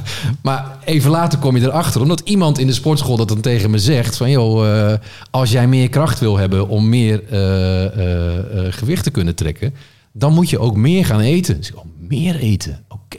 het klinkt Nou, bijna onlogisch. ja, het, het klinkt in, in zekere zin ook onlogisch, maar je hebt die energie van dat eten nodig. En dat verbrand je dan weer. En dan val je uiteindelijk vanzelf ook af of je blijft op gewicht. Nou, dat is natuurlijk maar net hoe je het, eh, hoe je het wil. Toen ging ik al die shakes erin gooien. Toen was ik binnen de kortste keren dus eh, 17 kilo zwaarder. En ik had een dikke pens van de shakes. Dus dan denk je, ja, je kijkt naar jezelf. Je denkt, er klopt iets niet. Nou, en zo ging ik toen stap voor stap voor Ja. stap. Nu gaat dat veel sneller omdat je veel meer informatie tot je hebt. Maar ja, soms kan dat ook te snel gaan. Maar daar zijn dus, vind ik, behalve die mensen die, eh, die nou, de influencers zeg maar, juist ook ouders voor en andere mensen die mensen kunnen inlichten. Nou, en ik hoop dat het schoolsysteem gewoon een keer aangepast gaat worden, waardoor je dat soort voedingslessen ook gewoon gaat krijgen op school. Want dat is hard nodig hoor. Want laatst ook weer, en dan kan ik weer zo boos om worden. En dan zit ik hier met, met iemand die zegt, maar, ja, met afvallen, ja, dat ze- zegt tegen iemand, ja, met afvallen, ah, stoppen met brood. En ik kijk diegene aan Ja. en ik zeg, wat? Wat, zei, wat zei je tegen Ja, ja, stoppen met, eh, stoppen met brood en koolhydraat. Ik zeg, doe even normaal. Hou me tegen, jongens. Ja, nou, tegen. als jij minder pasta en eh, brood gaat eten, dan val je toch af. Ik zeg, nee, als je minder gaat eten, val je af. Niet omdat je nu in één keer morgen met koolhydraten gaat Ja. kappen. Ja, ja, ja. Ik word weer boos. Omdat, omdat mensen zo'n Ja. eigen waarheid hebben. Of een waarheid die ontstaan is uit fabels. Ja. Dus laten we de literatuurlijst van middelbare scholen Ja, aanpassen. maar- Kleine blonde dood Oh. gaat eruit. En Henny Schut, jouw boek, gaat er gewoon in. Maar Karin van 45, die koolhydraatarm dieet, dieet gaat volgen met eh Suus van 38... Die, die, die, die helpen dit zeg maar de wereld in met hun... eh, Hij was zo geduldig deze hele aflevering. Ja, er komt nu nog even wat vuur uit. weer boos. Omdat Ja, ik ja. denk van, nee, zo werkt het niet. Ja. Time Maar het is ook aan, ik bedoel, die mensen moeten dat één keer horen dat het zo niet werkt. Ja, ik, las, ja. ik las in een van die verhalen waar ik net over begon, las ik een verhaal over weet ik, een jongen van 17 of iets dergelijks. Ah, mijn wekker gaat af. Dat gaat dan nog wel op mijn telefoon. ik weet niet waarom trouwens. News. Maar wat zeg je? Fake news. Ja, precies. Die was een alarmbel. Hij gaat nu iets vertellen wat nergens op slaat. Nee, daar stond een voorbeeld in van een jongen eh, van een jaar of 17. En die had inderdaad een koolhydraatarm dieet. Maar die jongen was aan het fitnessen. Dus er moet gewoon iemand tegen die jongen zeggen... nee, dan doe je juist als je groter wil worden en meer kracht... het is juist een koolhydraatrijk dieet.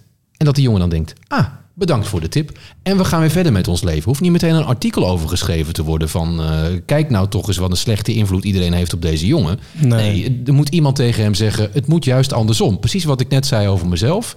Iemand zegt op een bepaald moment... nee, je moet juist meer eten in plaats van minder. Oké, bedankt Staat voor de tip. Ja, Ja. zo simpel Ja. is het soms. Dus, maar d- dus dan moeten we wat meer gaan vertellen. Want dan krijg je weer een soort van reactiecultuur... dat iedereen maar de hele tijd met anderen gaat Nou bemoeien. ja, weet je, je hoeft ook niet de schoolmeester uit te Nee. hangen. Maar Dus dat is ook weer lastig. Precies, om dan terug te komen op dat voorbeeld wat ik net zei over die, die rope eh, triceps oefening.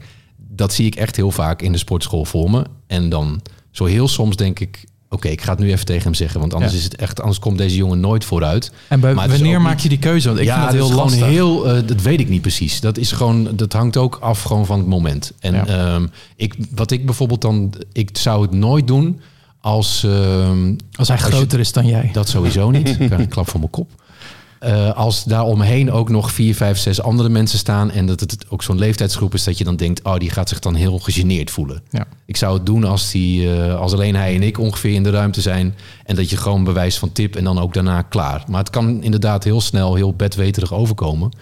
Maar ja, ik vind wel dat door dat soort dingen help je elkaar toch. Ik bedoel, zo is het bij mij ook op gang gekomen. Dat iemand die in de sportschool werkte zei van... ja, je kan beter dat doen. Of ehm, probeer dit schemaatjes. Of ja... Mannen doen dat sneller bij vrouwen dan bij andere mannen, is me ja, opgevallen. dat even een andere reden. Dat is, dat, dat is ook wel weer heeft jammer. niets met fitness te Nee. maken. Ja, ja, dat zie je wel eens online. Hè? Dat zie ik wel eens op TikTok.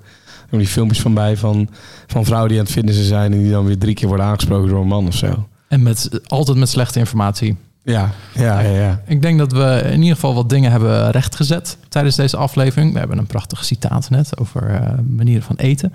Ehm, we hebben ons fitness cover model idool gesproken voor het eerst. Dat vond ik heel leuk. Oh ja? Hoe vond je, Jordi, hoe vond je het zelf gaan bij jezelf? Van Jos vandaag met de, met de grote, met de grote eh, sportjournalist, Nee, ik- ik- radiomaker. Ja, ik vond het hartstikke leuk. Ik vond het zeker hartstikke leuk. Hopelijk eh insgelijks ook. Ja, ik ook. Hopelijk wil je zijn petje nog even tekenen zometeen. Eh nou ja, dankjewel voor het, eh, voor het naar, naar Amsterdam toe komen... en eh, met ons in gesprek gaan over sport. Alsjeblieft, ik vond het heel leuk. Ik had nog zo een uur door kunnen gaan.